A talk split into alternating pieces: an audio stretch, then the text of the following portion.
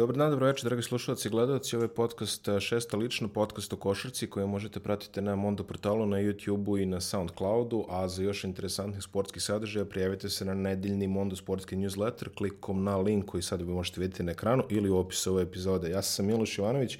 Moj današnji gost je Nikola Stojković, novinar portala Motor Sport. Nikola, dobrodošao. Bolje te našo, Miloše.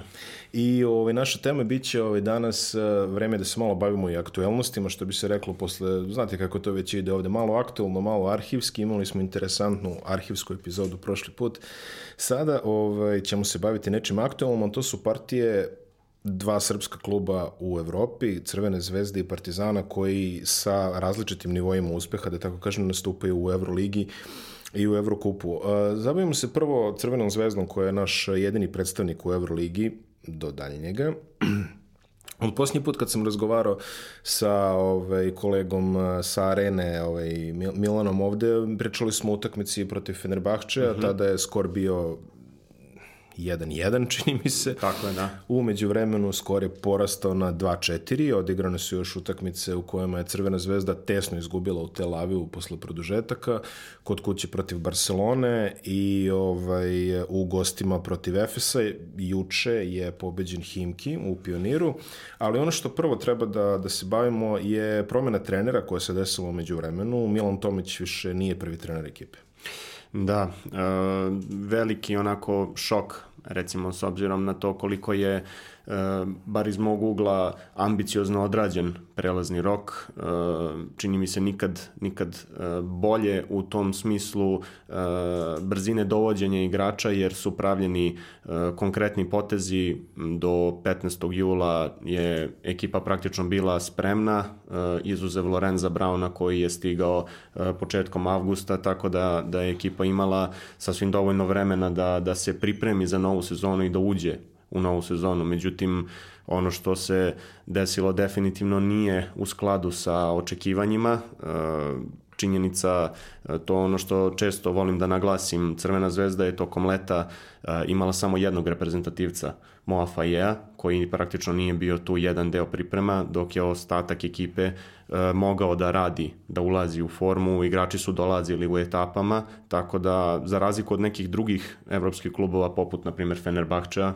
čije probleme vidimo, je mogla da ostvari taj, da kažem, kontakt među igračima, da stvori neku hemiju, ali nažalost sve je krenulo naopak od te utakmice protiv budućnosti.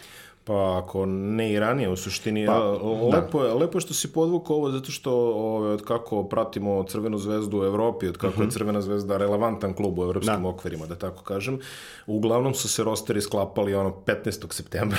znači... Jeste, da, to je baš ovaj, onako negde neka da kažem, loša tradicija kod nas s obzirom na, na finansijsku moć klubova, da se čeka ovaj, praktično da, da najveći klubovi uh, uzmu sve ono najbolje i da onda Crvena zvezda, Partizan i ostali uh, proberu od onog ostatka. Ono ostalo što je usput da. ispustilo da. cenu, ovaj, da, se, da, se tako, da se tako izri... Um, tako je. Ono što je interesantno, Crvena zvezda je zadržala skoro ceo roster, znači da. prošle sezone da.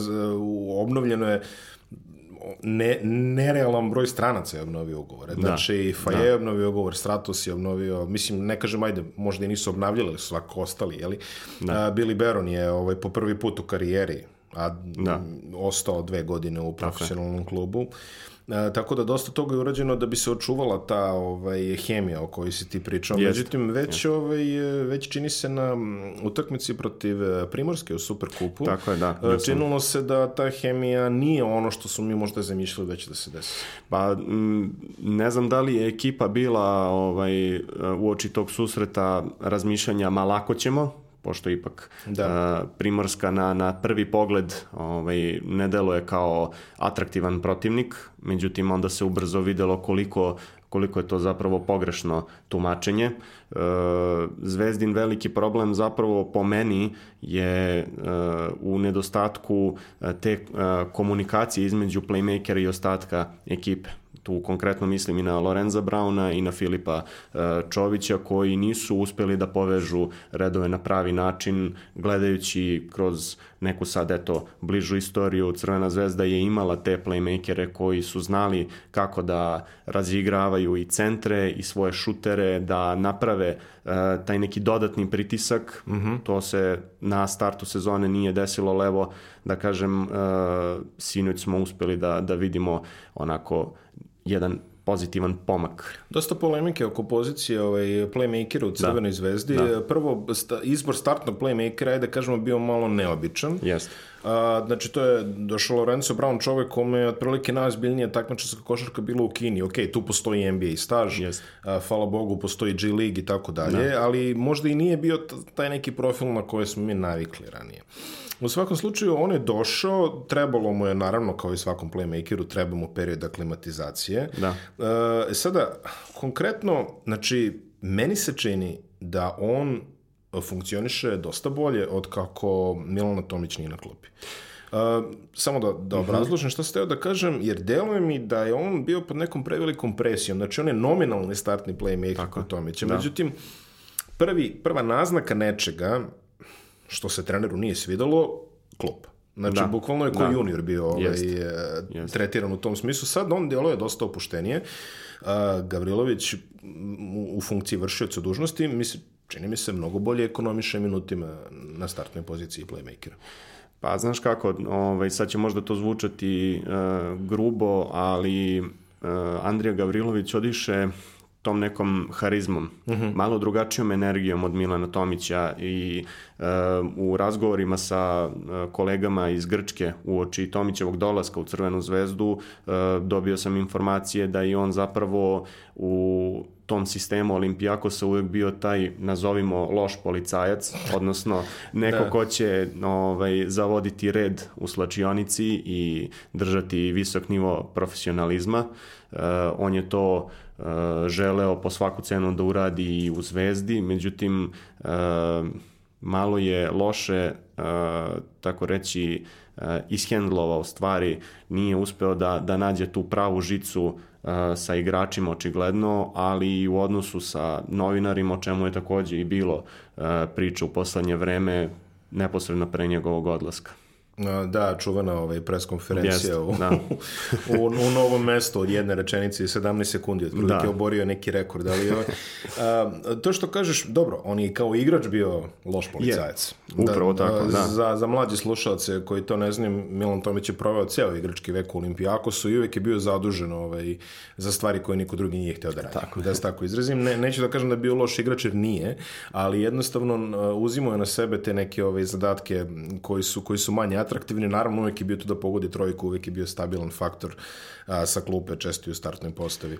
Međutim, dešava se sad da Crvena zvezda, evo šta je ovo, šesto kolo je prošlo. Jeste, već. Da. Znači, šesto kolo je prošlo, Crvena zvezda a, još uvek nema iskristalisanu ideju na poziciji playmakera, a rekli smo nešto o Brownu, da kažemo nešto i o Filipu Čoviću, a, nije toliko grešno reći da, mislim, Filip Čović jednostavno Dakle, da je kao stepenik koji je malo možda i previsok za njega. Uh, uzevši u obzir da je odigrao stvarno dobru završnicu prošle sezone, da. Uh, recimo što da ne i mimo nekih očekivanja, definitivno. Da.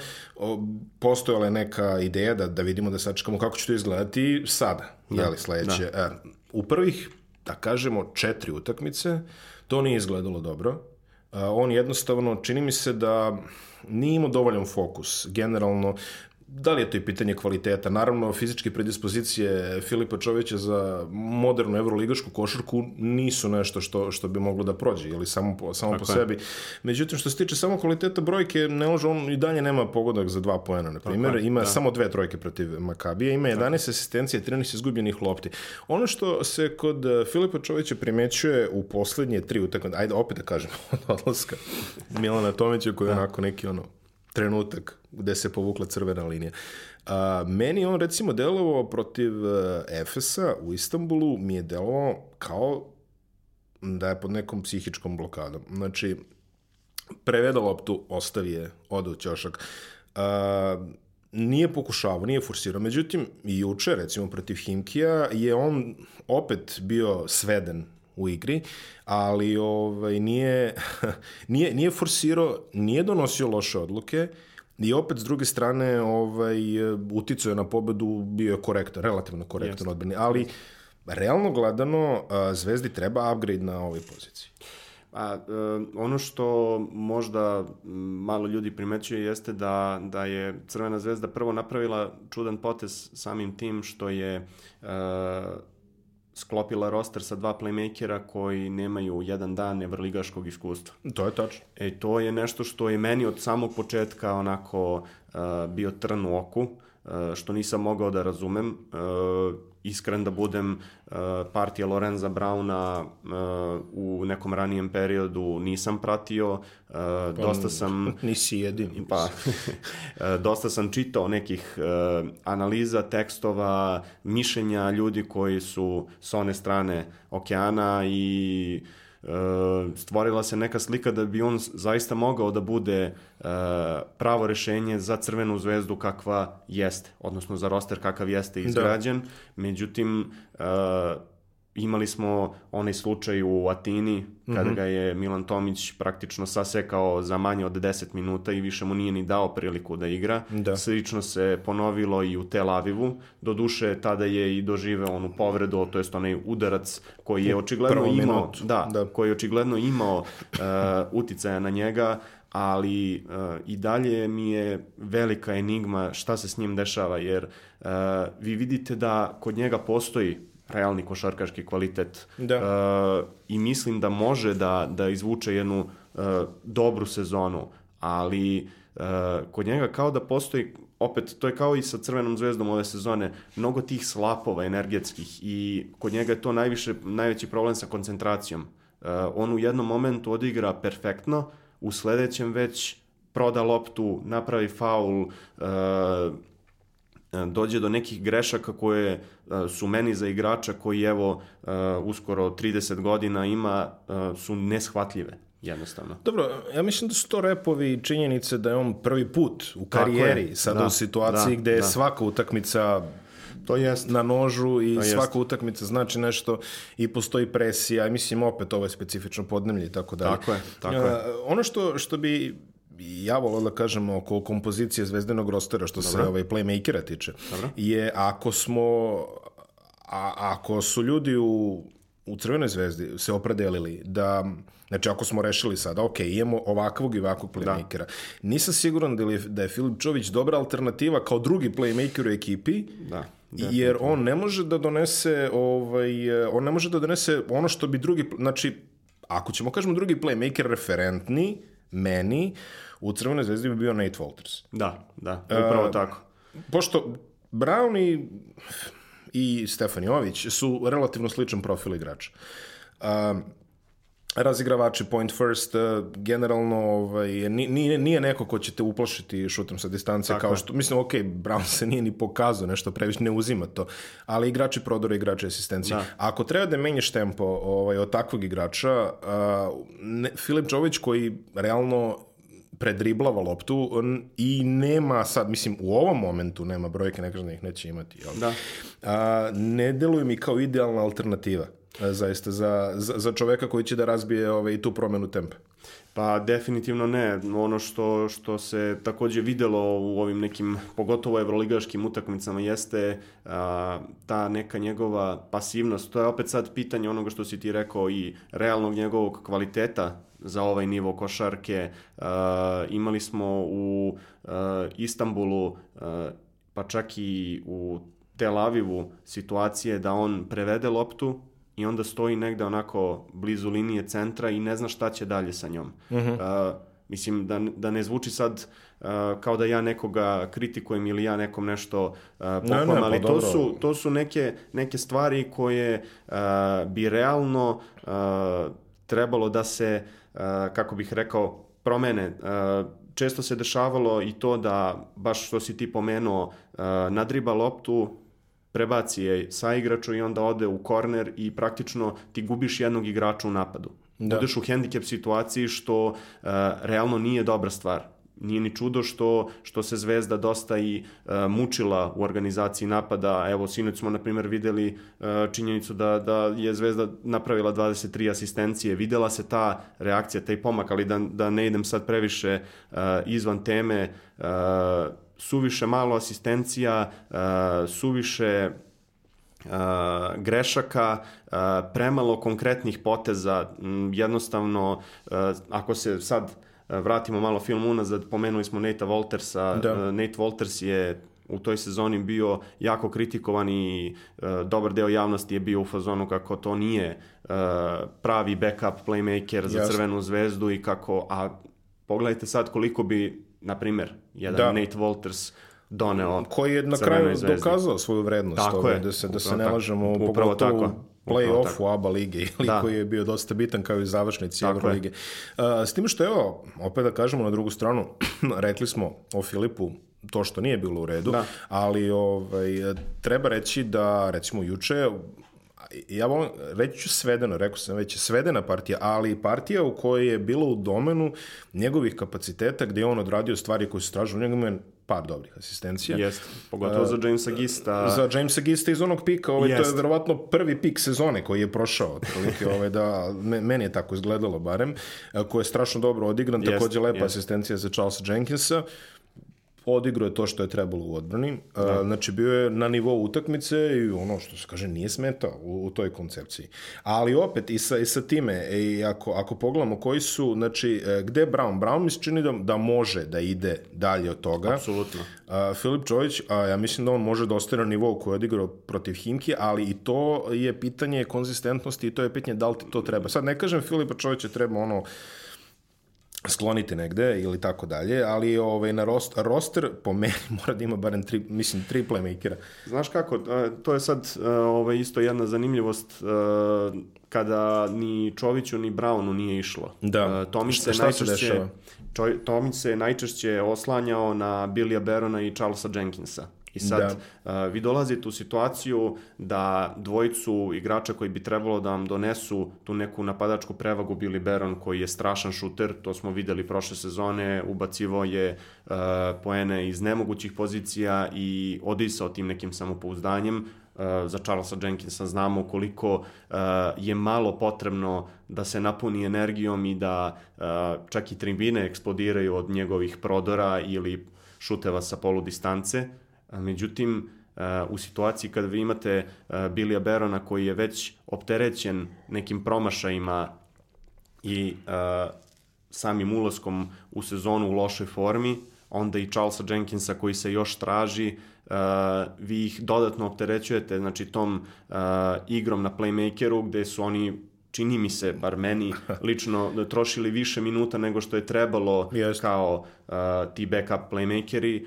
Uh, došli ste u, u, u ozbiljan problem i tu se videlo zapravo koliko Crvena zvezda, koliko Crvenoj zvezdi nedostaje uh, ta jedna iskra u, u na toj playmaker, playmakerskoj poziciji. Da, pri čemu ovaj, već smo govorili dug roster, duga sezona, 30 jeste, kusura. Jeste, da. Mislim, za tri playmakera definitivno tu ima mesta. Ima da definitivno. Da. Znači, ono, neko će morati da igra i, ovaj, i u tom novom mestu, jeli, ovaj, koje treba, kad je trebalo da se igra i u drugim Tako ovaj, gde na kraju krajeva uvek, uvek neko može, recimo na centru situacija se razvija tako da će minuti biti dosta ekonomski raspoređeni da. među tri čoveka, da. pričamo Gista može da igra četvorku po potrebi, Kuzmiću koji se stvarno ono, svaka mu čast, mislim. ako, da.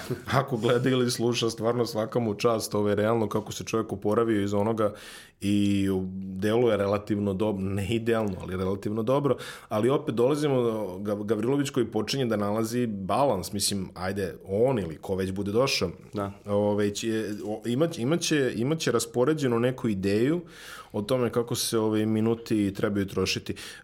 Dve, dve stvari su još interesantne. Znači, tu postoji taj, ta problematika bekovskih pozicija da. u kojima a, imamo više šta, šest ljudi na, na, na, dva, na, na dva, tri beka mogu da, da stanu. Tako je. A, Charles Jenkins koji je delovo dosta indisponirano Just. opet za vreme Milana Tomića, sada je prodisao, radi ono što najbolje ume da radi i delo je da je na pravom tragu. Billy Baron koji imao nekih, ono, ok, neću kažem problema, ali je imao ovaj, ličnih e, nedoumica, čovjek čeka dete, žena mu je u Sjedinim američkim državama, on je ovde, Da. znate koliko je on vezan za svoju suprugu, mislim, To sjajno, to, to je stvarno okej, on, čak i ona, ja se sećam na onom media dayu ovaj, e, Da. u, u areni, prelazim da pričam s njim, on kaže, čoveče, ja se vraćam kući, tu nema nikoga, oni su tamo, na, Mhm. čekam, čekam, čekam, to se sad prelomilo, sve je prošlo najbolji mogući Hvala način, da. čestitamo ovaj, Takođe, Bili u da, Bernu i o, on takođe sad ono što si ti rekao a, na playmakerskoj poziciji meni on deluje prilično izgubljen ako on mora da predriblava loptu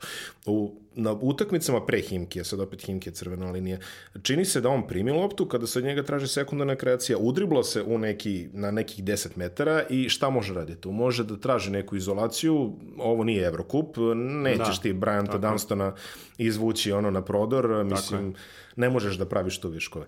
Ali juče, izvini što... Ništa, ništa, ne, ne, sve ok. Uh, ali juče, uh, recimo, dosta konkretnije kretnje smo videli od njega, istrčavao je iz blokova, tuko se kroz blokove uh, i uzimo je ono što on treba da radi. Znači, on definitivno opet stoji u konjunkciji s time da Brown ima sad svoje minute, da je čovjek odradio korektno beka poziciju, ok, bili ne moraš da predriblavaš, radi to što umeš da radiš.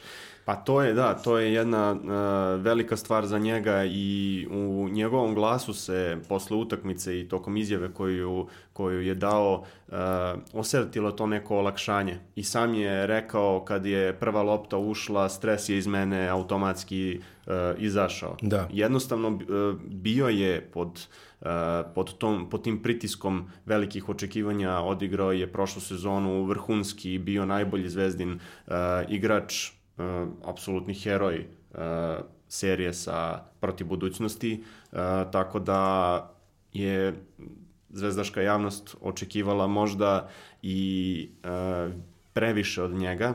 Uh, on ima sličan problem recimo kao i uh, Filip Čović u smislu uh, tog fizičkog aspekta. Da. On je E, i on je ono undersized, što bi rekao. undersize, upravo tako. On za bekovsku poziciju nema građu mm. uh, i jednostavno onda znači na, na već uh, samo podizanje lestvice prelaska iz Evrokup u Evroligu, gde do sad nije igrao, Da. uh, on mora da se još dodatno znači, potrudi da dobije pravu poziciju i izvuče teške šuteve i da ih pritom pogađa u kontinuitetu.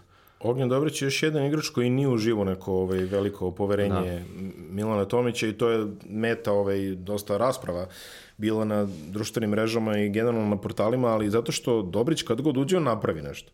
Uh, Ognjen Dobrić je jedan od, uh, pa recimo sad u ovoj situaciji, uh, možda i jedini uh, igrač Crvene zvezde koji, uh, kako da kažem to da sad ne, ne zvuči opet onako prejako, uh, osjeća dres zvezde. Da, da, da, osjeća tu težinu zvezdinog dresa i uh, razume koliko je bitno uh, napraviti taj uh, energetski impuls, dati, dati zvezdinoj igri impuls. Uh, u redu je to što Charles Jenkins uh, takođe osjeća zvezdu na, na, na jedan poseban način, ali to uh, nikad niko neće moći da razume tako dobro i tako jasno kao domaći igrač. Naravno, da. I za Dobro, mene je... Jenkins je domaći. Da, jeste, upravo si, moja greška.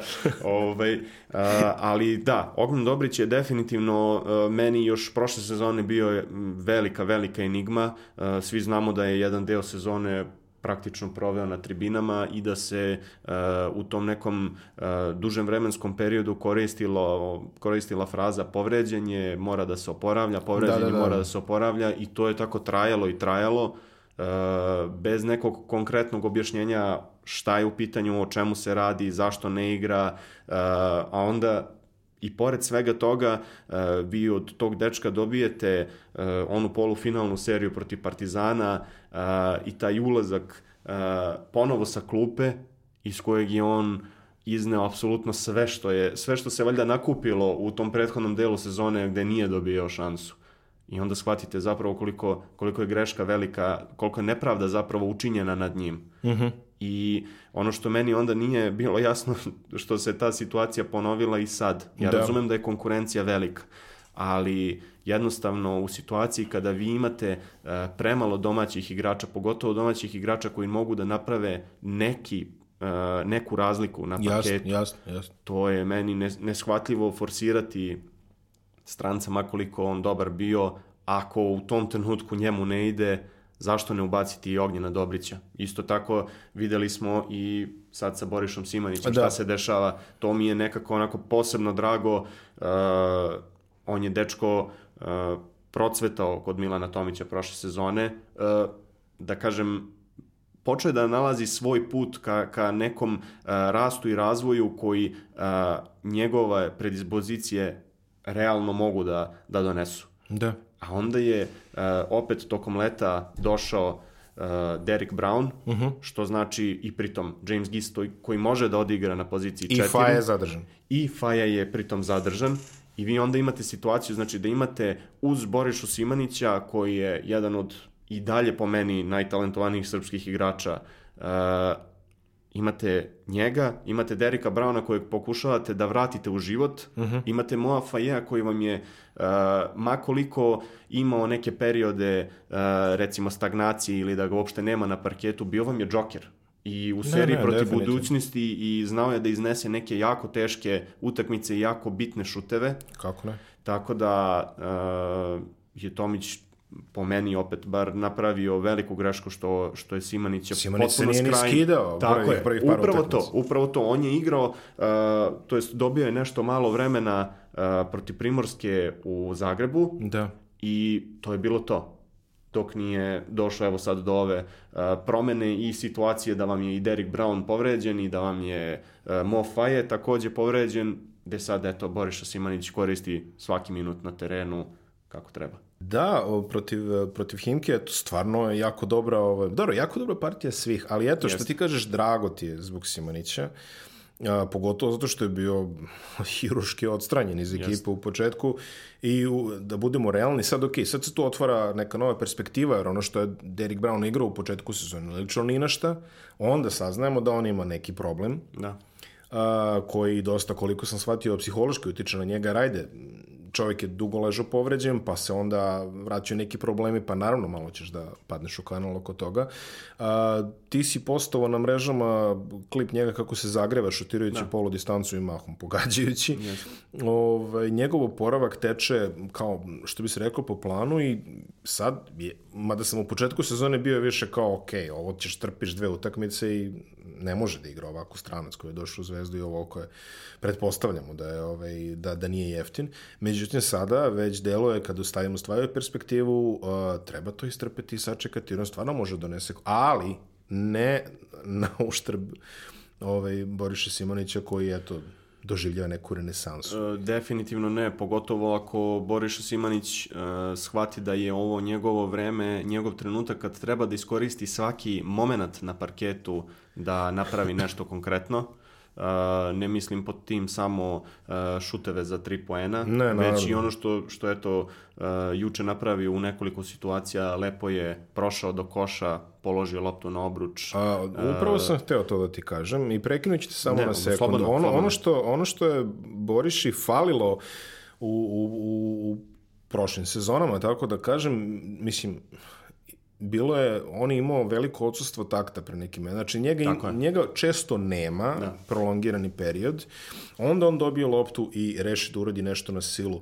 A, polaganje pod faulom koji nije svirano ovaj, u trećoj četvrtini, ako ćemo iskreno, gde je on izvio se i položio loptu u koš. Isto takođe u drugoj, on njegov os, eh, sedmi, osmi poen dao dve trojke, pa bilo je 8-0 sve dao jeste, Boriša. jeste. A, gde je on prošao i opet nije forsirao za kucavanje, znamo on da on ume, ali je našao elegantan način dok put do koša položio je dva poena, dva poena, tako da definitivno tu se nalazi neka zrelost u njegovoj igri. To je ono što mu je falilo ranije. Pa, apsolutno. Mislim, rano je da kažemo sad posle jedne, ali okej, Pa, naznaka je u pravom smeru. Da, uvek je ovaj, najlakše hvaliti nekog ili kritikovati nekog ovaj, posle, posle odigrane utakmice, ali uh, Boriša Simanić uh, valjda ni sam nije svestan uh, talenta koji posjeduje. Meni bar tako deluje. Uh, on stvarno ima neverovatne atletske predispozicije, uh, pritom ima i tu meku ruku, Da. uh, ima mogućnost da svakom čuvaru napravi ono što bi se reklo noćnu moru. Jest. Uh, ali do sad, opet i zbog činjenice da, da nije bio prisutan toliko u ekipi, uh, ali i zbog valjda neke želje da se uh, dokaže drugima, je tražio rešenja koja su bila isforsirana. Sinoć je to izgledalo mnogo lepše, Jest. mnogo zrelije uh, i pre svega pametno je igrao. E sad, uh, pomenuli smo Derika Brauna koji je igrač koji je, sećamo se svi u najboljim danima uh, Lokomotive i prva sezona u Efesu uh, bio brutalan košarkaš. Da, Da, je da, Crvena da, da. zvezda uh,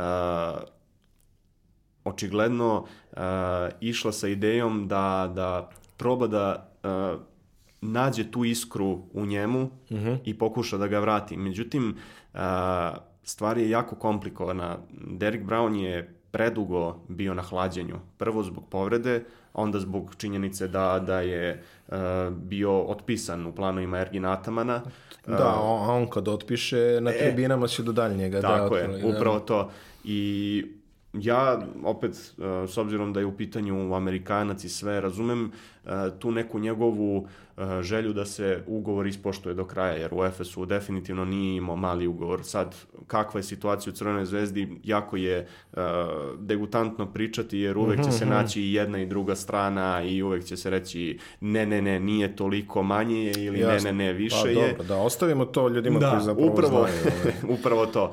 Ali uh, Crvena zvezda je uh, definitivno rešila da se kocka sa Derekom Brownom i uh, bila razmišljanja ako uspemo da probudimo deo onoga što on zapravo može, Jasno. to je veliki pogodak. Ali uh, činjenica je da uh, ovo do sad definitivno nije, nije izgledalo uh, ni nalik onoga što on može. Najveći problem je zapravo što su njegove noge usporene uh, toliko da on ne može da isprati ni defanzivno svog čuvara, a ni na, u napadu da iskoristi taj dar koji ima atletski pre svega. A, kada je to izgledalo dobro, izgledalo Da. je baš dobro. Znači, Vrlo, protiv, vrlo. Protiv Fenerbahče stvarno imao dobru Jest, partiju i jest. to je nešto što, što Zvezda i tekako može da iskoristi, a to je ta njegova, ajde da kažemo, elastičnost. Jeste.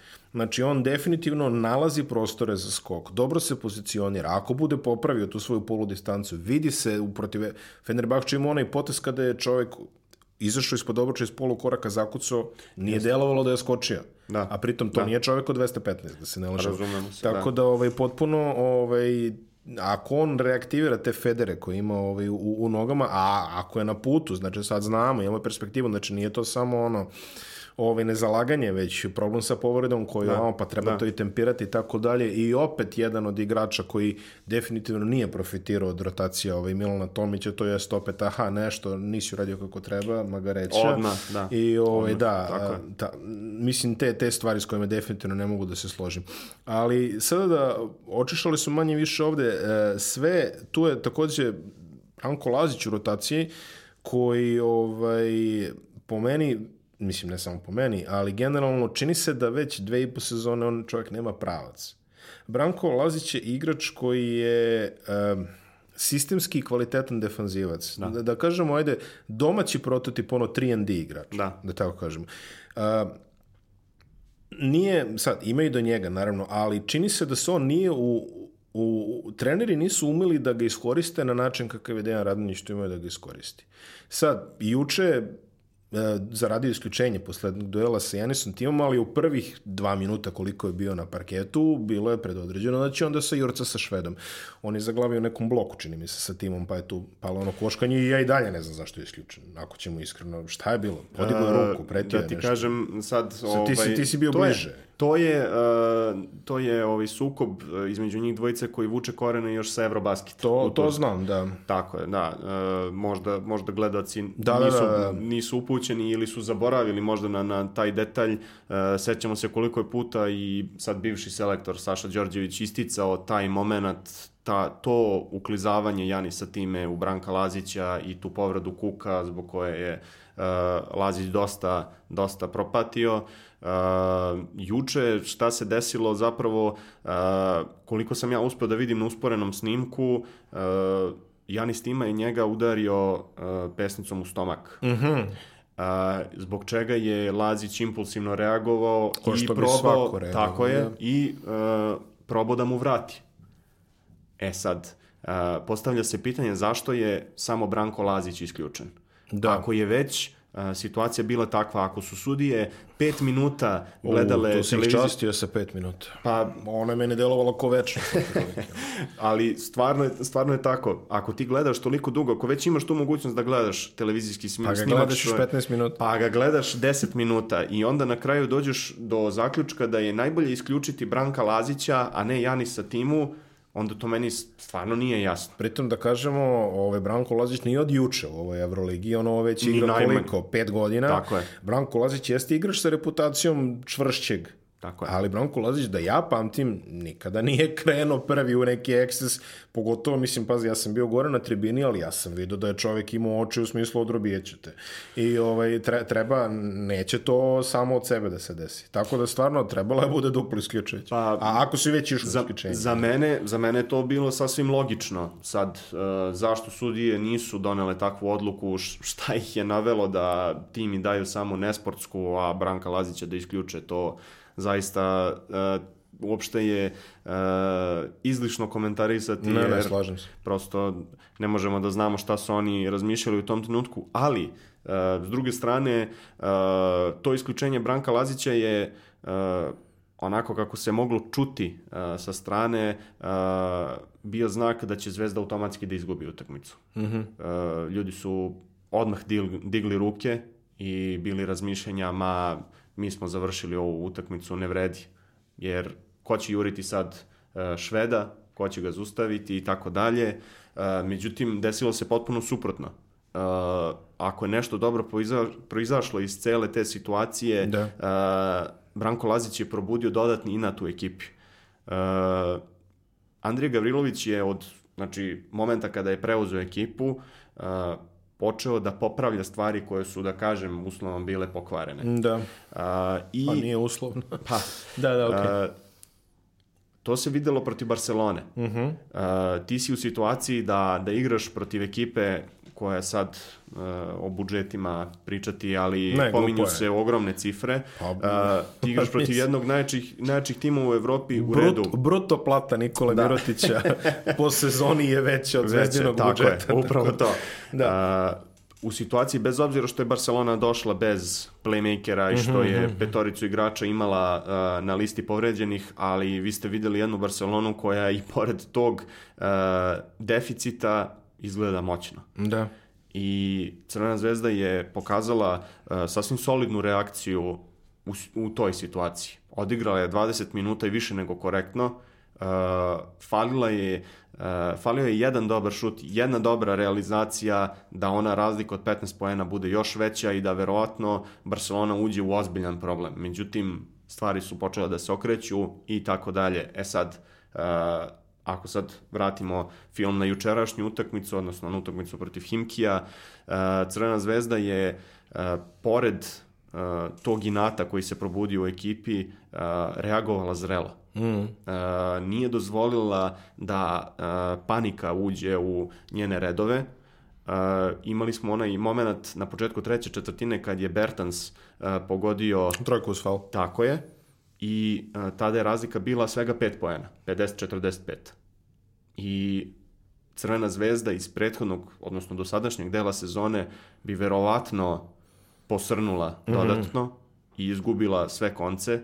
Međutim, ova Crvena zvezda od juče uh, je odigrala fantastično. Reagovala je uh, kao prava ekipa. Da. Uh, vi ste videli u uh, nekim situacijama uh, igrače koji žele jednostavno da poginu za svaku loptu, za svaki posed, za svog saigrača. Uh, ok, ima tu još dosta da se radi, da ne bude sad da ih previše hvalimo, Jasno, jer jasno, jasno, ima dosta propusta koje treba ispraviti. Pa dobro. Ali je Zvezda našla, našla svoj put. Našla je usmerenje, našla je uh, pravac kojim treba da ide i uh, sistem koji treba dalje razvijati. Da.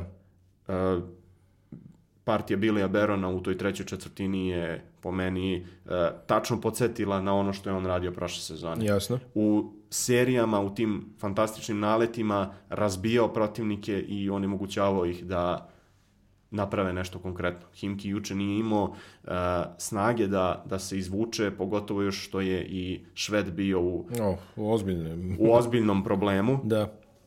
Tako da, pritom, e, taj jedan Janis Tima koji po meni igra košarku života, Pogotovo uh, gledajući šta je on doživeo u Olimpijakosu i kako nije imao nikakvu ulogu, uh, nikako nije mogao da nađe svoje mesto, dolazak u Himki je očigledno promenio stvari, on je sad trenutno drugi igrač ekipe. Pa da. Iza Šveda, što je ogromna stvar. Tako da uh, Zvezda je napravila odličnu stvar, uh, reagovala baš onako kako treba, uh, čini mi se da stvari polako počinju da dolaze na svoje, ali treba biti oprezan. Uh, I lepo je Boriša Simanić rekao, iako je on igrač koji je među najmlađima u ekipi, lepo je rekao da će sledeća utakmica već protiv Cibone pokazati da li je ovo bila prekretnica za nastavak sezone ili ne. Pre četiri godine, kada je Zvezda bila u relativno sličnom problemu i sa relativno sličnim skorom, sezona da. je preokrenuta utakmicama protiv Reala i Himkija. Jeste. Ovaj put će biti Himki i Real. Da. Crvena zvezda je ušla u ritam od tri domaćinstva i ukoliko sve to odradi kako treba, postoje indikacije da će se posle osam utakmica Zvezda naći na 50% uspešnosti, što bi uzevši obzir sve turbulencije koje, doživ, koje su doživljene do sada, da. Izuzetan uspeh. Ne kažem da Zvezda ovde treba da preti Real, Realu, mislim, ok, svi znamo šta je Real, jer tako, tako. ali ovaj, i Real počinje da štuca usred činjenice da im je ogromni broj igrača igrao svetsko Jest. prvenstvo, a velika većina njih, boga mi, do kraja. Da. Ako uračunamo da. sve one Argentince i Špance da. koji su na rosteru. Da. Uh, u, Real je u blagom silasku, trenutno izgubili su od Bajerna da. ovaj, pre neki dan, tako da a, definitivno Zvezda tu ima svoju šansu. Real atraktivan protivnik, bit će puno ljudi da. i onda se igra protiv Asfala koji kvalitativno nije na nivou Zvezde. Dozvolit ćeš da kažem da, ovo. A, put Zvezde je definitivno zacrtan, slažem se s tobom. A, postoje tu još neke stvari kao što sam ja već rekao, minutaža Branka Lazića i njegova uloga generalno, a ok, doći ćemo i, i, i to će se nivelisiti u krajnjoj liniji. Ono što Zvezda treba da reši po meni da bi ova sezona nastavila u pravome tempu je pitanje trenera, mi dalje ne znamo šta se tu dešava i mislim pomenju se razni imena, ne moramo da licitiramo sad o tome, ali definitivno trener je neka stavka na dnevnom redu i do selekcije na poziciji playmakera su stvari koje meni treba da se dese, a koliko Zvezda želi da, ok, ušla su u sezonu sa nekim rosterom, da. sa nekim očekivanjima, neki su ispunili očekivanja, neki nisu, nema problema. Ovaj, doselektirati i videti i mislim da Zvezda ima i dalje priliku da, o, da odredi tu onu istorijsku sezonu koju su se mnogi ovaj, nadali u, i u 15. jula kad je zatvoren da. roster. Da. Dozvolit ćeš mi uh, da kažem, uh, činjenica je da uh, Andrija Gavrilović još nije, da kažem, rešen na tom pitanju ovaj, trenerske pozicije, odnosno da. on i dalje ima to VD, da, da, da, prefiks VD iz, iz Dobro, a, izvini, ako ćemo realno, kad je trener mogu i da dođe uopšte? Tako on je, je. mogao da upozna upravo ekipu to. na aerodromu. Upravo to, upravo to. Da... Međutim, uh, jako je uh, bitna stvar to što uh, treba, treba onako razložiti stvari. Uh, Andri Gavriloviću je ovo prvi uh, samostalni angažman. Da. Znači, on ih nije imao do sad. On je do sad uh, radio uh, jako dugi niz godina u Italiji, uh, posle toga je otišao u uh, Rusiju, u Himki. Bio je Kurtinaitis. Uh, bio je, da, bio pomoćnik. je, tako je. Bio je i pomoćnik Serđa Skariola. Mogao je dosta toga da nauči. I uh, ono što, što sam ja mogao da čujem onako sa strane, uh, jesu samo pohvale na njegov račun. Mm. Znači, uh, na to koliko temeljno radi, koliko, koliko je posvećen svom poslu, koliko uh, detaljno ulazi u svaku situaciju i koliko želi da, da jednostavno sve bude pod konac. Jasno. Uh, pritom uz onu pomenutu uh, harizmu kojom uh, odiše i tim nekim uh, smirenim, uh, smirenim reakcijama nije, nije eksplozivan kao Milan Tomić, nije uh, sad opet da ne zvuči prejako agresivan. Jasno, jasno, ne, ne, znaš što možda kažeš. Uh, jednostavno, uh, igračima je očigledno prijalo uh, da se dogodi ta promena, odnosno da uh, komandu preuzme neko ko će uh, znati da se obhodi prema, uh mhm. -huh. ne kažem ja sad da Milan Tomić uh, nije znao da se obhodi prema igračima, ali pričali smo o da, slučaju da, da, da, da. i Derika Brauna i Lorenza Brauna uh,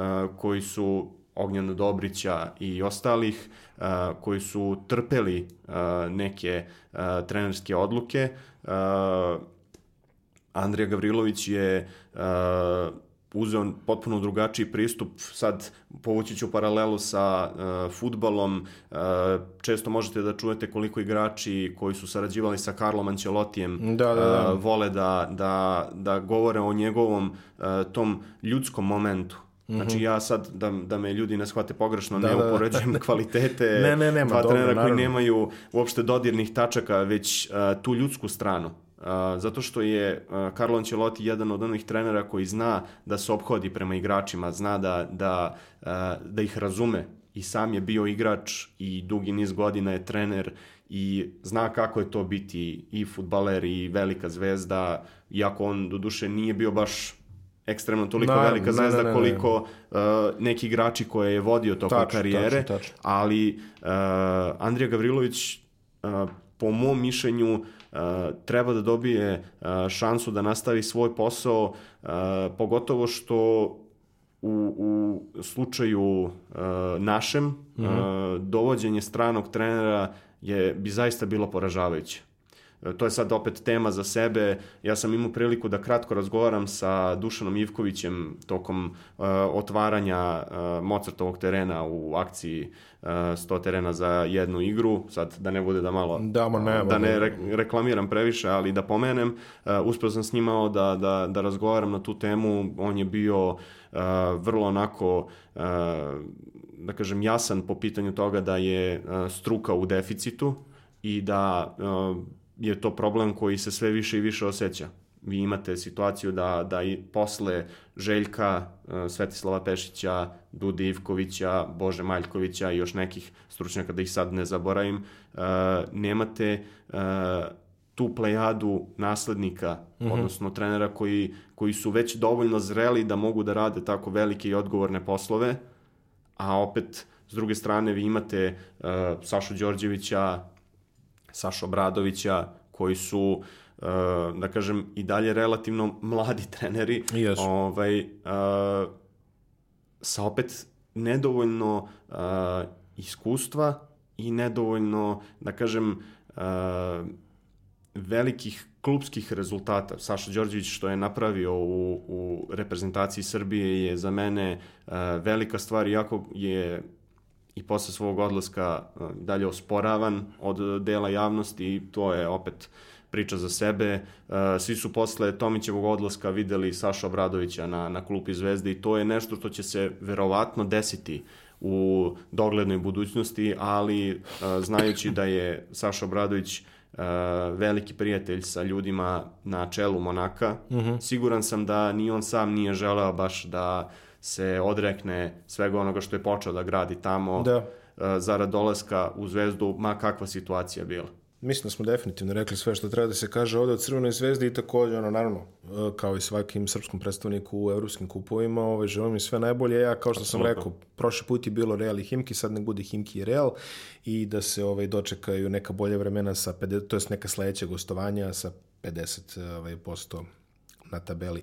E, idemo na Partizan koji igra zaista sjajno Evrokupu. Odmah da, da presečemo i kažemo tako. I deluju onako promenljivo, malo ponekad i smušeno u Jadranskoj ligi e, par zaista o, ispod prosečnih partija koje su odigrali protiv e, CDVita Olimpije i ovaj, Primorske ne leže im ovaj ti Da, Slo, slovenačke ekipe im ne leže. Međutim, u Evrokupu oni drže konstantu. E, Jako ozbiljno su prišli tom takmičenju. E, Sad, činjenica je, ovo je sad interesantno, ali činjenica je da nakon odluke Evrolige da se ukinu stalna mesta i da se dodeljuju ti fantomski wild cardovi, posle kojih se svako jeli javio da on ima informaciju da da. će to, da, da, naravno. A, jedini siguran način do dolaska Evrolige je ulazak u finale Evrokupa. Partizan je to vrlo ozbiljno shvatio. E, I pogotovo impresivno meni je, ok, oni su pobedili dobre ekipe do sada, pobedili su Rita su gostima, što se ne dešava prečesto. Uh, pobedili su Tofaš, po meni jednu interesantnu ekipu u Beogradu, pobedili su u Beogradu Lokomotivu, Lokomotivu. takođe ovaj, e, jako dobru ekipu i u poslednjem set kolu odigrali su po meni jako impresivnu partiju protiv Limoža. Impresivnu zbog toga zato što su proživjeli prvu četvrtinu iz pakla. Znači, Limož da je bacio, da ne kažem sad kako, ovaj, to je sve ulazilo. Partizan ih okreće već u drugoj četvrtini, usporava ih, uvodi ih u svoj ritam. Partizan igra na, na manje poena, ove godine igra dosta čvršće. Uvodi ih u svoj ritam. Na polovremenu, ja sam tada rekao, ljudi, ovi nemaju šanse. A ako, ako ovi krenu ako oni nastave ovako da se guraju s Partizanom, da, da se laktaju, izgubit će. Jeste. Partizan na kraju rutinski pobeđuje Limož na strani, znači, ok, prošla su ta njihova slavna vremena, ali definitivno je klub sa košarkaškom tradicijom, klub Jeste. koji treba ispoštovati i prisustvo kluba, mislim, koje, koje stvarno treba ispoštovati. Oni su otišli da. u tu dvoranu, to je jedan od ono tipa tri košarkaška grada u Francuskoj. Tako je. Znači, postoji publika, postoji sve. Da Oni su, i, evo, kao što kažem, tri gostujuće pobjede u pet kola, od toga sve tri u arenama gde se izuzetno osetila prisustvo domaćih navijača. Atmosfera u Veneciji bila zaista dobra, a Rita svi znamo i ovde isto bilo dobro. Uh, utoliko impresivnije što je Partizan odigrao bez ovaj, Voldena, koji je, koji je povređen. Yes. Novice Veličković nije doputovao. E sada, A, da krenemo redom. Znači, prvo, ajde da krenemo od onog lošijeg, što bi, što, što biste tako rekli. E, Partizanu, pre svega, čini mi se da je šut veliki problem. Jeste, da. Uh, šut za tri poena, uh, definitivno nešto što, na čemu će morati uh, ekipa da, da poradi. Uh, međutim, uh, da, da, da se razumemo odmah na početku, ja nekako moram to da, da naglasim. Partizan je i pored ta dva poraza u uh, Ljubljani i u Kopru uh, odigrao sjajno ovaj period. Znači, um, ono što, što moram da naglasim posebno je činjenica da su oni uh, u devet utakmica igrali u devet različitih dvorana. Da, da, Čak da, da. i, znači, u Beogradu, Čak i u Beogradu su, su igrali u jeste, da, u tako, Kombak tako. areni i potom u, u Pioniru, što je uh, jako teško uh, kako bih rekao, ishendlovati, to, uh, znati sami koliko, uh, koliko su naporne sezone, koliko, su, uh, koliko je ritam sezona težak i nema dovoljno vremena da, mm -hmm. da ti uvežbavaš uh, šut na treninzima, praktično Partizan je sve vreme na putovanjima i uh, taj neki uh, šuterski deficit mogu da, da kažem, eto, da branim činjenicom da, da nisu imali dovoljno vremena da uh, rade sad, od kako je počela uh, sezona, ali uh, Partizan je i pored teškog, teškog, jako teškog rasporeda izvukao svih pet pobjeda u Evrokupu, baš kao što si rekao, maksimalno ozbiljno pristupio takmičenju i to se u neku ruku odrazilo na partije u ABA ligi. Međutim, situacija nije dramatična. Uh, mm. Utakmice protiv Cedevite i Primorske jesu bile zabrinjavajuće loše, da. ali nije nešto što je nenadoknadivo, ako mogu tako da, ne, ne, da kažem. S tom. Uh, međutim, uh, oseti se uh, ta neka uh, širina koju, kojom raspolaže uh, Andrea Trinkieri, Dakle, u situaciji gde ste vi mogli, gde zapravo on nije mogao da računa na Voldena i na Veličkovića, ekipa je opet ostala ujedinjena. Igrala je bez nekih preteranih oscilacija. Dobro, ta prva četvrtina ali možda stvarno je nešto, ne, stvarno nešto ono.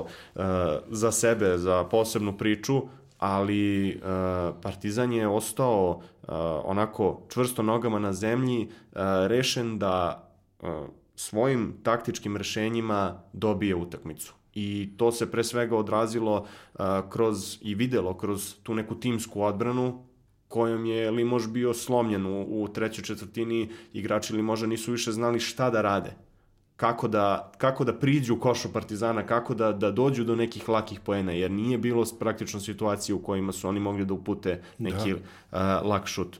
Tako da Partizan je, uh, koliko sam uh, ja onako sad zapamtio ovako vadim iz glave uh, protiv Venecije, protiv Limoža i protiv Ritasa odigrao odbranu na nivou uh, 60 primljenih poena. Da.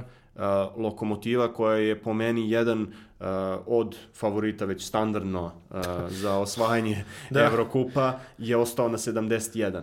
Uh, tako da i Tofaš je jedini bio na, na tih 80 poena, međutim ni tad nije bilo uh, tako reći te neke bojazni da će uh, Partizan izgubiti jer je ponovo u onim ključnim momentima odigrao maksimalno zrelo. Da, to što kažeš za lokomotivu, ono, kako počne Eurocup, uzmeš ovaj listing ekipa, pogledaš ko je, znači, ok, nema CSKA, ok, možda nema Himki, ajde u redu, da. ko je sledeća ove godine lokomotiva, lokomotiva tako, tako da po defaultu, inače Eurocupove i eh, u poslednjih, ono, ne znam, od kako postoji Evrokup osvajaju ga gotovo isključivo Španci i Rusi. Ali? Španci i Rusi, tako je. A, ima, je, čini mi se, jedan Hapo ili Rusalim ili da, nešto. Ovaj, da, ima, ima jednu epizodu i Ljetovo Sritas je, čini mi se, osvojio da. nešto, ali eto, to su ono nominalni favoriti. A, Partizan je u početku sezone, znači, nakon ovih nekoliko, mm -hmm. ajde, kažemo već desetak utakmica sada, da. identifikovali su se neki problemi, uglavnom u igračima koji bi trebalo da donesu neke određene kvalitete i trenutno ih ne donose. Stefan Birčević nije u šuterskoj formi. Nije, mm. On ne radi te stvari što, što bi on trebao da radi. Za, zašto je Birčević doveden? Pre svega, verovatno da širinu sa krilnih pozicija. Pa, upravo on to. On to trenutno ne daje. Upravo to, da. A, Žanis Painters je verovatno, ono, desio se na tržištu, probali su da urede nešto, on delo je kao da kao da nije igrao profesionalnu košarku. Prvih deset utakmica. Jako, jako čudno. Jako stvarno. čudno delo. On je uh, i utakmicu, izvini što te prekidam, on je i utakmicu protiv Limoža počeo sa uh, dve primljene blokade da, na napadu. Da, Da. Tako da ja sam, ja sam stvarno dok sam gledao utakmicu... I to je primio blokadu na krenuo da zakuca, Tako je. da, ono da. baš... Baš sam bio uh, razmišljanja da on dečko bi možda trebalo uh, ozbiljnije da razmisli o tome da, da menja profesiju, jer uh, u ovih devet utakmica nije ličio na, na košarkaša. I uh, došlo, profesion... do nekog, došlo do nekog preokreta u drugom polovremenu. Upravo tu sam sad teo da kažem. Da. I uh, činjenica je da se nešto desilo s njim i to je, uh, da kažem, uh, donelo dobro Partizanu, jer uh, cela ekipa je igrala dobro, on je valjda uh, osetio to više neko uh, rasterećenje jer je već situacija bila povoljna. Jeste. I uspeo da iskoristi tih svojih nekoliko minuta koje je uh, dobio na, na parketu, uh, napravio je razliku, međutim uh, što je što bi moj kolega iz redakcije ovaj koji inače prati uh, Partizan uh, rekao biće potrebno još uh, bar jedno desetak utakmica da se zaboravi sve ono što je on do sada uradio. Definitivno ima jako dobar potes kada je udario blokadu i odmah otvorio kontru pasom. E, da, da, to je bilo pravoći. dobro, a kolega Srđan Radojević koji upozorava celu utakmicu kaže ovo će biti prilike za Pejnersom utrčavanja, kad je Pejners dva puta utrčao na zakucavanje, niko srećnije od njega, ja bih rekao. Ali ovaj, ne, generalno iskoristio je taj neki moment, baš kao što je ovaj kao što je Srđan to predvideo, dva puta je dobio dobre lopte, dva puta jest. je ušao, uradio to što treba. Odradio mislim, tačno, da. Ja mislim da Partizan Partizanu u krajnjoj liniji kako sada funkcioniše neće trebati ništa više od bukvalno tog uradi to što što smo ti rekli. Pa u suštini to, ja mislim da je on uh, i doveden iz tog razloga, da. ne da pravi neku, uh, ne znam ti ja kakvu razliku da, da on drži poene u rukama, nego e sad, da bude igrač zadatka. E, e, e vidi, uh, a, ali da ti dovedeš uh, letonskog, ono što bi rekli Amerikanci journeymana, znači čoveka koji menja ekipe levo i desno, da. koji ima skoro 30 godina, da. da ti bude igrač zadatka, da li zaista ne postoji igrač u Srbiji koji može da uradi te e, stvari. Ali, to je... Ok, a, da me ne svetete pogrešno, ovaj, ne želim da vređam ovaj, Žanese Penersa ili bilo što, ili neke njegove kvalitete, ali Nija. generalno čudi me ta filozofija ekipe koja se opredelila da te stvari što radi Žanis Penders ne može da uradi neki ono srpski igrač. E, definitivno je da, da nije doneo uh, ono što je trebalo da, da, da napravi, što ti kažeš, igrač sa skoro 30 uh, godina internacionalac. Uh, mislim da, da, da je tu Partizan napravio uh, jednu od dve velike greške, druga velika greška definitivno Parahovski, Doći ćemo i do njega. Doći ćemo do njega, ali e, mislim da, da je svakako možda i bolje rešenje bilo da se pruži šansa nekom e, mladom domaćem igraču ali sad opet to je... Parahovski delo je kao da ima ovaj problema sa, sa fizičkom formom. Meni se čini da on nije totalno spreman.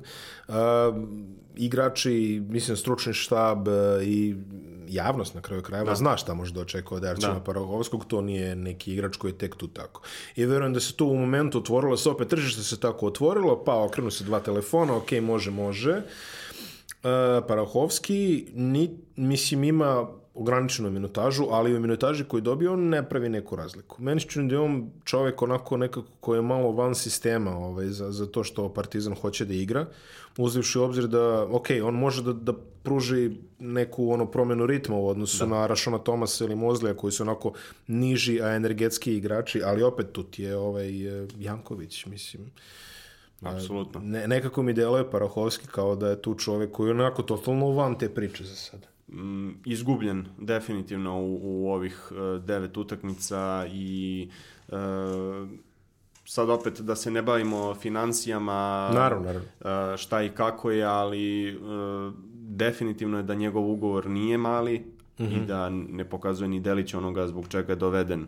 Uh, doveden je da bude uh, prvi centar, uh, da bude neko ko će svojim iskustvom da napravi razliku na parketu, da iskoristi sve svoje kvalitete, međutim uh, to za sad ne ide. Meni je uh, onako uh, u neku ruku interesantno to što je Andrea Trinkieri sa Parahovskim već imao tu situaciju u Kantu. Da. Uh, usledio je otkaz, sad nisam 100% siguran, mislim da je već posle mesec dana usledio mm -hmm. otkaz, ali isto tako je uh, Trinkieri, čini mi se, izjavio posle da je napravio grešku što ga je otpustio. Sad, da li je hteo da mu pruži drugu šansu ili uh, kakva je situacija bila, uh, u svakom slučaju uh, predsednik uh, Partizana Ostoja Mijailović je u intervju za, za naš sajt rekao da uh, se čeka jedno veliko ime. Mm -hmm. I uh, manje više je sve ukazivalo na to da će to biti centar. Da. Da li je neko bio drugi u igri, ili je to bio isključivo Parahovski, to sad ne mogu da, da tvrdim, ali u svakom slučaju uh, Parahovski uh, nije uh, neko ko, je, ko se do sad isplatio. E sad, ono što hoću da kažem još s druge strane, uh, nisam uh, 100% siguran, niti su to proverene informacije, uh, pa ne mogu ni da, da, da govorim onako, da kažem da sam ubeđen u to, ali mm -hmm. ono što sam ja čuo jeste da, da Parahovski ima nekih privatnih problema i da, nažalost, ako je to stvarno takvo stanje stvari, mogu da razumem zbog čega do sad nije igrao kako treba. Pored toga, on je došao u klub sa povredom leđa, da. koja ga je mučila i koju očigledno nije zalečio i na terenu uh, ne deluje kao neko ko je uh, pre svega uh, profesionalac u vrhunskoj formi. Da, da, da. Uh, jedan od tih ranih problema Partizana je bio i, i Marcus Page, on Jeste. se potpuno popravio u poslednjih nekoliko utakmica, donosi Partizanu to što mu je trebalo, to je šeranje šutom i trenutno je Pej, čini mi se, jedini otprilike šuter na kojeg Partizan može da se osloni. Najvažnija stvar, e, čini mi se u svemu, u celoj toj situaciji priči oko Markusa Pejđa je moment kada je Andrea Trinkieri rekao Markuse, e, više nisi zadužen za organizaciju igre, Jasno. E, radi samo ono što što znaš, što znaš a to je da pogađa, pa da, mislim, pogađaj šuteve i on to radi sjajno i jedini je zapravo stvarno u, u Partizanu. Čini mi se da je u Evrokupu jedini igrač Partizana koji ima dvocifreni broj trojki, čini mi se 11. 11 upravo si. Da, i uh, za sad su njegovi, njegovi pogoci uh, donosili prevagu i mislim da, da mu je uh, Andre Trinkieri potpuno našao žicu, rasteretio ga, uh, ostavio mu taj jedan uh, bitan zadatak koji on trenutno obavlja sjajno. Volden je po meni, to sam rekao i ranije, ali on je meni veliko pojačanje. Jeste veliko pojačanje, ali mi se čini uh, sad da, da uh, ne budem pregrub, mislim da može još bolje. Ne, ne, slažem se s Uh, mislim da, da je dobro startovo, ali da će kako vreme bude prolazilo uh, biti još bolji. Uh, plašim se samo sad, uh, ne znam koji je uh, stepen povrede stopala koji ga trenutno muči zbog kojeg nije igrao protiv Limoža. Uh, nadam se samo da ga to neće usporiti u nastavku sezone jer definitivno je jako bitan igrač za Partizan. Do duše Ognjen Jaramaz je dobro iskoristio te neke dodatne minute na parketu i napravio neke važne stvari, pogotovo u Superkupu, oni rade Zagorac, Da. uh, ali da, da sad ne idem preširoko, Naravno, u svakom slučaju naravno, uh, Cory Walden je uh, neko ko je uh, očigledno, uh, kako bi se reklo, pametno izabran. Mm. Jer to je ono što je Andrej Trinkieriju trebalo i on za sad donosi to što Partizanu uh, treba u toj bekovskoj uh, liniji, međutim, kažem, uh, uveren sam da on može još mnogo više i da će to i pokazati Po, vremena. povrede stopala su ovaj, jako neugodne, Pa, kao što to, znate da. ovaj, na slučaju, na primjer, Miloša Teodosića, Da. koji se oporavlja jako Da. dugo. A, Partizan je ajde kažemo, pametnom selekcijom dozvolio sebi luksus da Voldena može da oporavi na tenane. Jeste. Imaju dobru zalihu u Evrokupu sada, mogu i malo, neću da kažem da hoće, ali mogu malo opušteni da pristupe Da. nekim utakmicama kod Da. kuće, na primjer, ili u gostima. Definitivno su dobro pokriveni na tim pozicijama, imaju još tri igrača koji mogu da rade te stvari koje može da radi, tako da mislim da je svima u interesu da se on e, dobro oporavi da nastavi tačno, bukvalno da je stao. Dva mesta gde je Partizan takođe pogodio sa strancima po meni su Rashon Thomas i Bill Mosley. Mosley Interesantno izgleda taj igrač. E, nije neko ko mi bi dao loptu u ruke tek tako. Jeste. Ali, ove, s druge strane, neverovatni energetski nivoj. Mislim, ja strašno volim igrače tog, tog, tog tipa i oni Tomas, Tomas je ovako malo tehnički pismeniji, da kažem, ali obojica su ono bengeri, što bi se reklo. Znači, ovaj, bukvalno ljudi koji ulaze u meso. I Partizan je modelirao igru prema njima, Tako što je ovaj, dosta dosta interesantno, deluje kao ono, deluje kao onaj baš ultra čvrsti partizan ovaj, što smo nekada gledali u Evropi. I na, mislim kad su njih dvojice u elementu, tome sad počeo da šutira, mislim Jest, malo se da. opustio u tom aspektu, ali ovaj, kada radi ono što mu je ono, što bi amerikanci rekli, ono bread and butter, jeli, ono, na, najosnovnije stvari i oni mozli donose neverovatnu energiju po- pod oba obruča. Uh, Will Mosley mi je onako uh, posebno uh, zanimljiv jer on je doveden u Partizan da bi bio zamena Parahovskom. Da, Uh, sada smo u situaciji da je Will Mosley praktično prvi centar Partizana. Uh, to je i Srđan Radojević, Dragojević, da, okej. pardon, uh, Srđan Dragojević uh, lepo ovaj, Srđan Radović komentator i Srđan Dragović režiser, čekaj, U, dogovori se. Znaš šta, nisam, nisam spavao noć. Pazi, obo... ja se izvinjavam, ja se izvinjavam Srđanu na, na, na ovom lapsusu. Nadam se da mi neće mislim, zameriti ovaj, definitivno. Nema veze, mislim, pazi, ali- i, i Srđan Dragović ovaj, prati Partizan. Pa, tako prati, da, jeste, da, slažem se da. Ali, dakle, Srđan Radojević uh, je to u svojim uh, prenosima uh, dobro iznosio. Uh, Will Mosley je nešto uh, što liči na uh, Kyla Heinza po svojoj igračkoj strukturi. Da. I uh, činjenica je da je... Ma, manje je kockaz do duše. ovaj. Pa da, struktura. Jeste, ali uh, činjenica da je Andrea Trinkieri sa Heinzom radio dok je on bio mnogo mlađi. Da. Uh, Will Mosley je uh, 30 godina ima, znači nema uh, taj prostor za napredak, ali uh, on radi, on je jako zahvalan igrač, jer radi tačno ono uh, što mu se kaže i ono što su njegovi kvaliteti. Uh, izlači se dobro iz blokada, Da. uh, kupi lopte u uh, napadu, rešava akcije i uh, iskreno uh, ja lično uh, cenim takve igrače koji Ne, ne, se naravno. uh, ne izvlače iz previše iz svoje zone komfora uh, da bi radili neke stvari koje nisu njihove, tako reći.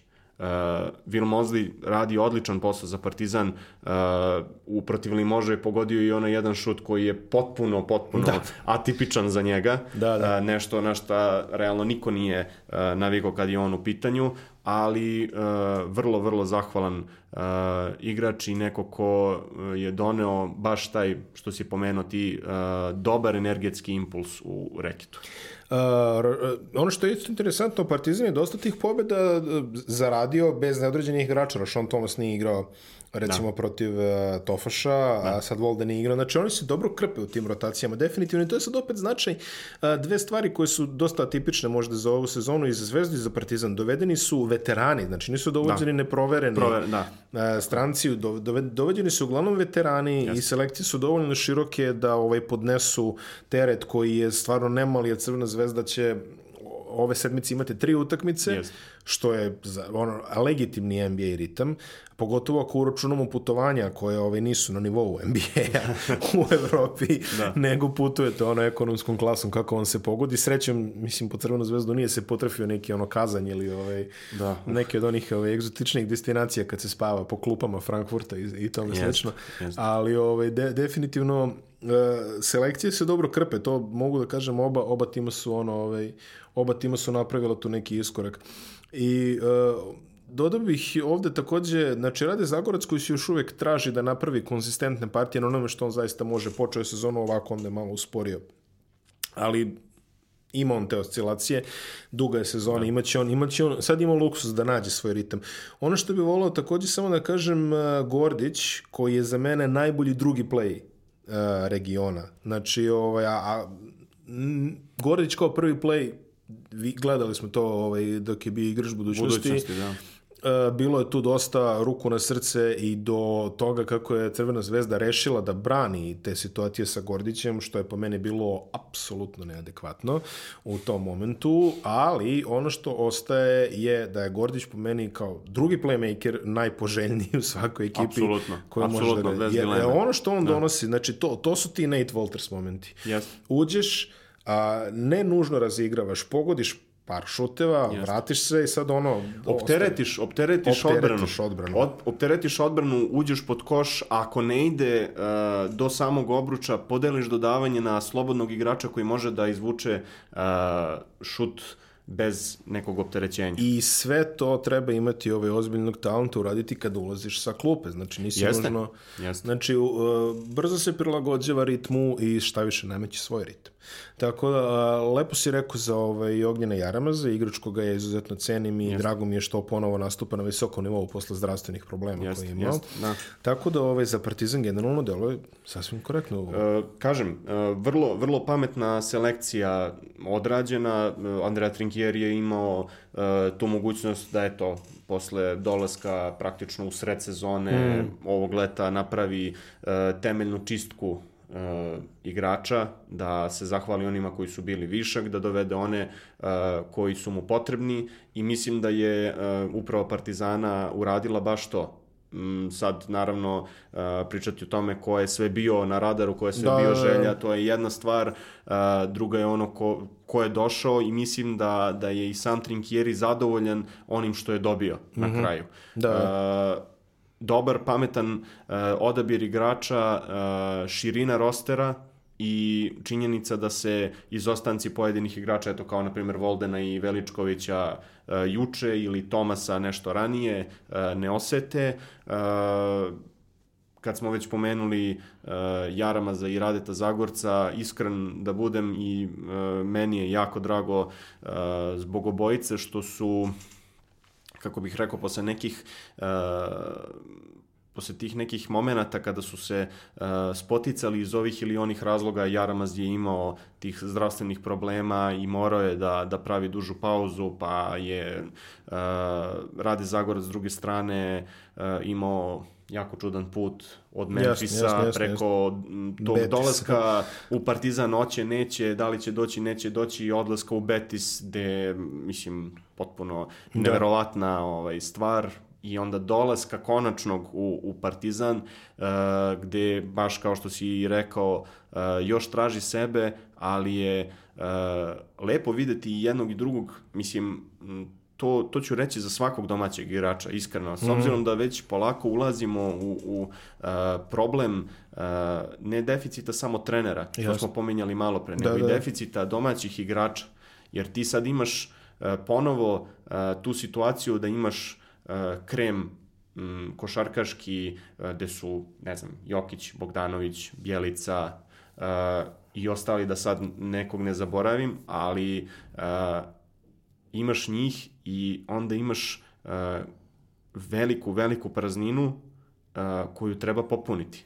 S jedne strane, vi tu imate uh, Ognjena Dobrića u Zvezdi i Borišu Simanića koji mogu da budu igrači koji će u perspektivi uh, popuniti uh, rostere Da, i da. podići nivo s druge strane, Ognjen Jaramaz i Rade Zagorac su momci koji to mogu da urade u Partizanu i meni je bilo posebno drago što su njih dvojica napravili razliku u tom Superkupu, doneli trofej Partizanu, Jaramaz koji ekstremno, ekstremno može dobro da odigra i ima taj neverovatan talenat, brzinu kod tog prvog koraka koja je po meni stvarno fascinantna. Uh, Rade Zagorac je uh, jako pametan igrač i ne samo igrač, on je vrlo inteligentan čovek i uh, čini mi se da, da u pojedinim situacijama uh,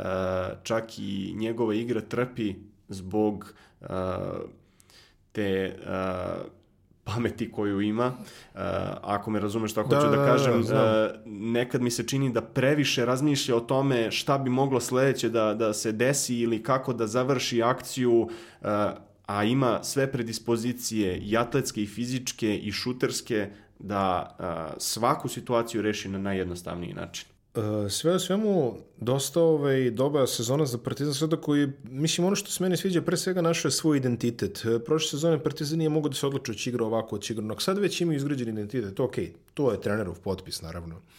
Ovaj nešto... Izbor igrača. I izbor igrača, pre takođe, svega. izbor igrača trenerov potpis. Da. E sad dolazimo do onog interesantnog, znači Partizan ima sad već zalihu, to je već 5-0. Da.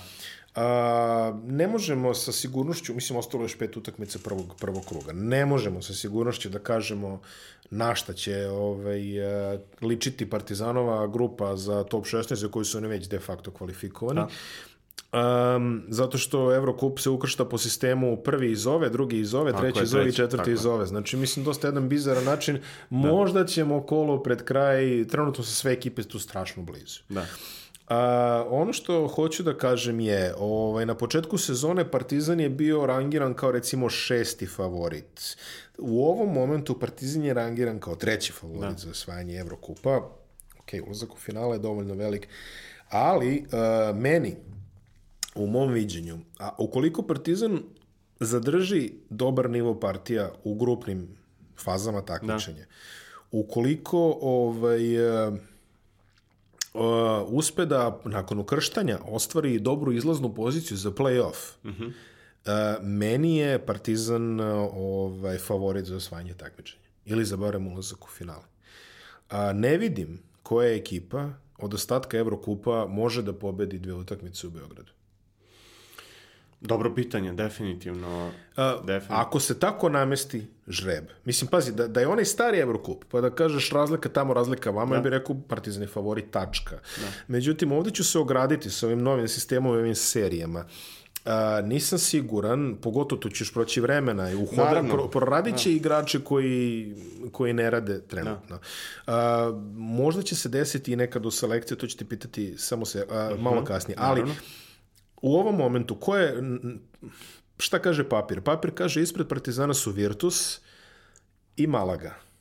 To su, dobro, e, to su dva imena bukvalno koje su mi prošle u glavi, iskreno nisam... Pri čemu Malaga po meni je tu zato što je Malaga. Jeste, da, zato što je Španac. Zato što je španska ekipa i zato što je dugo da, igrala jest. visoka takmičenja i svi znamo da u Malazi, ajde, znaš, kad i kad nije nešto sve kako treba, da. uvek postoji Malaga, znači to je ona nominalni favorit. Virtus, ok, svi znamo šta je Virtus u ovom momentu, pogotovo, je li ovaj, ovako ovaj srpski obojen, što bi se da. reklo. Iza ko su ekipe iza. Znači Lokomotiva, ali Lokomotiva meni ne deluje kao ekipa koja će Partizanu napraviti problem ako Partizan ima prednost domaćeg terena. Uh, Lokomotiva je strašno domaća ekipa, ali loše putuje, kao i sve, kao i sve jest, te ruske ekipe jest, koje se ne zovu CSKA. Baš to, baš to. Uh, ekipe koje mogu napraviti problem Partizanu u slučaju zamenjenog domaćinstva, da ne, mislim, prednosti domaćeg terena su Darušafaka i Galatasaraj, ali ja mislim nije, da... Iskreno nije čak ni Darošafaka ni Galatasaray mi ne, ne ostavljaju... Ne, uh, ni meni. Ali taj... opet, ako kažeš ideš u Tursku da pobediš u play-off utakmici, hm, kao, znaš, kao, mm, znaš. Dobro, jeste. Znaš, ima, ima taj element. Ne kažem da ne bi mogli, ali ne bi bilo prijetno. Tako da, ako Partizan... Pogotovo ne protiv Galatasaraja, koji Može da mobiliše Darušafa- navijače i Tako je. da, da, znači, da, e, ma koliko kvalitet tima bio na jednoj strani, opet je samo prisustvo navijača daje tu neku Da, da. e, drugu dimenziju. A, Partizan apsolutno. je e, tim koji e, ima e, sjajnu, sjajan odnos sa navijačima Jest. i e, da kažem košarkaški pismenu e, publiku koja eto u, u godinama svim koje su kojim je Partizan igrao Da. Evroligu e, naučio da ceni i poštuje svaku dobru utakmicu i da opet stane uz ekipu kada ne ide kako Jest. treba. Pritom o atmosferi neću ni da pričam. Galatasaray je tim koji za razliku od Darušafake ima ogromnu, ogromnu bazu navijača i to može da bude, da kažem, Vi- jedan od smo, element... videli smo derbi turski ovaj, Tako protiv Fenerbahča e, sad za vikend bio. Baš tako je, da. Ovaj, to može da bude jedan od e, elemenata, ali ne definitivno nešto čega bi trebalo da se e, plaši Partizan, Ne. pogotovo ako e, igrači budu nastavili dalje da, da napreduju. Ne kažem da neće biti e, padova, jer u ovakvim sezonama Duga je koje, sezona. tako je, koje mogu da, da izvuku po 70, 80 ili u zvezdinom slučaju moguće čak i 90 utakmica, e, ići stalno naviše je prosto nemoguće. I e, bitno je samo kako će ekipa reagovati u tim momentima kada stvari ne budu išle kako treba. Slažem se. E, Partizan je već na startu e, sezone e, imao jako ozbiljan test. Jako ozbiljan test e, ne samo e, karakter ekipe, nego e, kako će se tim snaći opet, da kažem, u, u onim uslovima koje sam već napomenuo. Devet utakmica, devet različitih e, hala, e, mnogo putovanja, e, preozbiljan je to ritam. Da. Treba ga izdržati i uh, videli smo eto uh, Novica Veličković je zbog toga i ostao u Beogradu jer jednostavno uh, preveliko je to opterećenje za telo uh, u samom tom procesu oporavka. Pritom, dodat ću ovo, ti si, e, znači, Partizan imao sedam gostovanja od devet utakmica. Tako je. Baš Samo jedno od tih sedam e, je bilo izađeš iz aviona i odeš u hotel, a to je Ljubljana. Tako je, upravo to. A do Venecije se ne dolazi toliko jednostavno iz, e, iz Beograda. Možda su, nisam siguran sad, možda je Partizan imao neku čarter uslugu u tom momentu, ali verujem da su išli nekim zaobilaznim putem. A, do Limože je Paris pa ono, par sati jahanja. Do Ritasa, mislim opet, ako nisu imali čarter, do Litvanije se ne stiže Ne tako stiže tako jednostavno. lako, da. Do Kopra, opet, to je bila neka varijanta. A u Ljubljanu, ako su išli avionom, super, ali Jesu. opet ako su se... Ok, Oni jesu. su se, uh, ja bar koliko imam informaciju, vratili uh, avionom iz Ljubljane sigurno. Mislim da su čak i u Ljubljanu Ne, ne, otišli. u, to, u toliko bolje, ali ni jedno od tih gostovanja nije bilo ono... Nije lako, Da, nije lako, nije definitivno. Lako. Čeka ih Tofaš koji opet, to je opet bursa, znači to je Da. opet e, logistički interesantna utakmica. Čeka ih e, Kubanj koji svi znamo da niko ne voli da ide tamo, mada Tamo se ide- ruku na srce sad postoji direktna linija Beograd-Krasnodar, tako da verovatno će ono... Eto vidiš, to nisam znao, Da, ali to, je, to znatno, znatno... to znatno olakšava stvari, Olakšava, da. ali ovo je opet i to je dug put Jest, i, jest. To, i to treba sve i ovaj, izekonomisati, ishendlovati, tako da definitivno ovaj, e, nije, nije lako bilo. Nije lako bilo sve to i dosta se pocenjuje, pogotovo u uslovima evropske košarke, šta znači 80 evropskih utakmica i šta znači 80 NBA utakmica da ljudi Ma, putuju avionima ono A+++++ klasa, naravno utakmice su teže, jeli?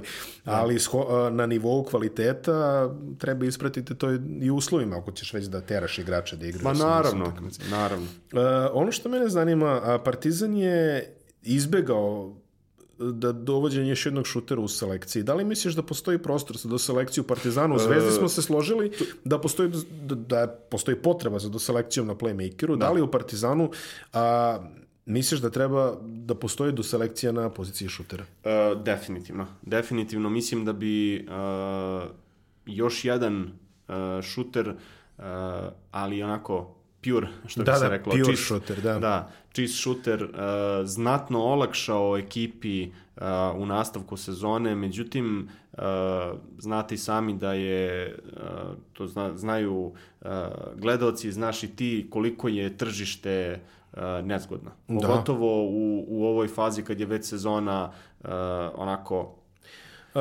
odmakla. Restruktura G lige je dosta doprinula tome.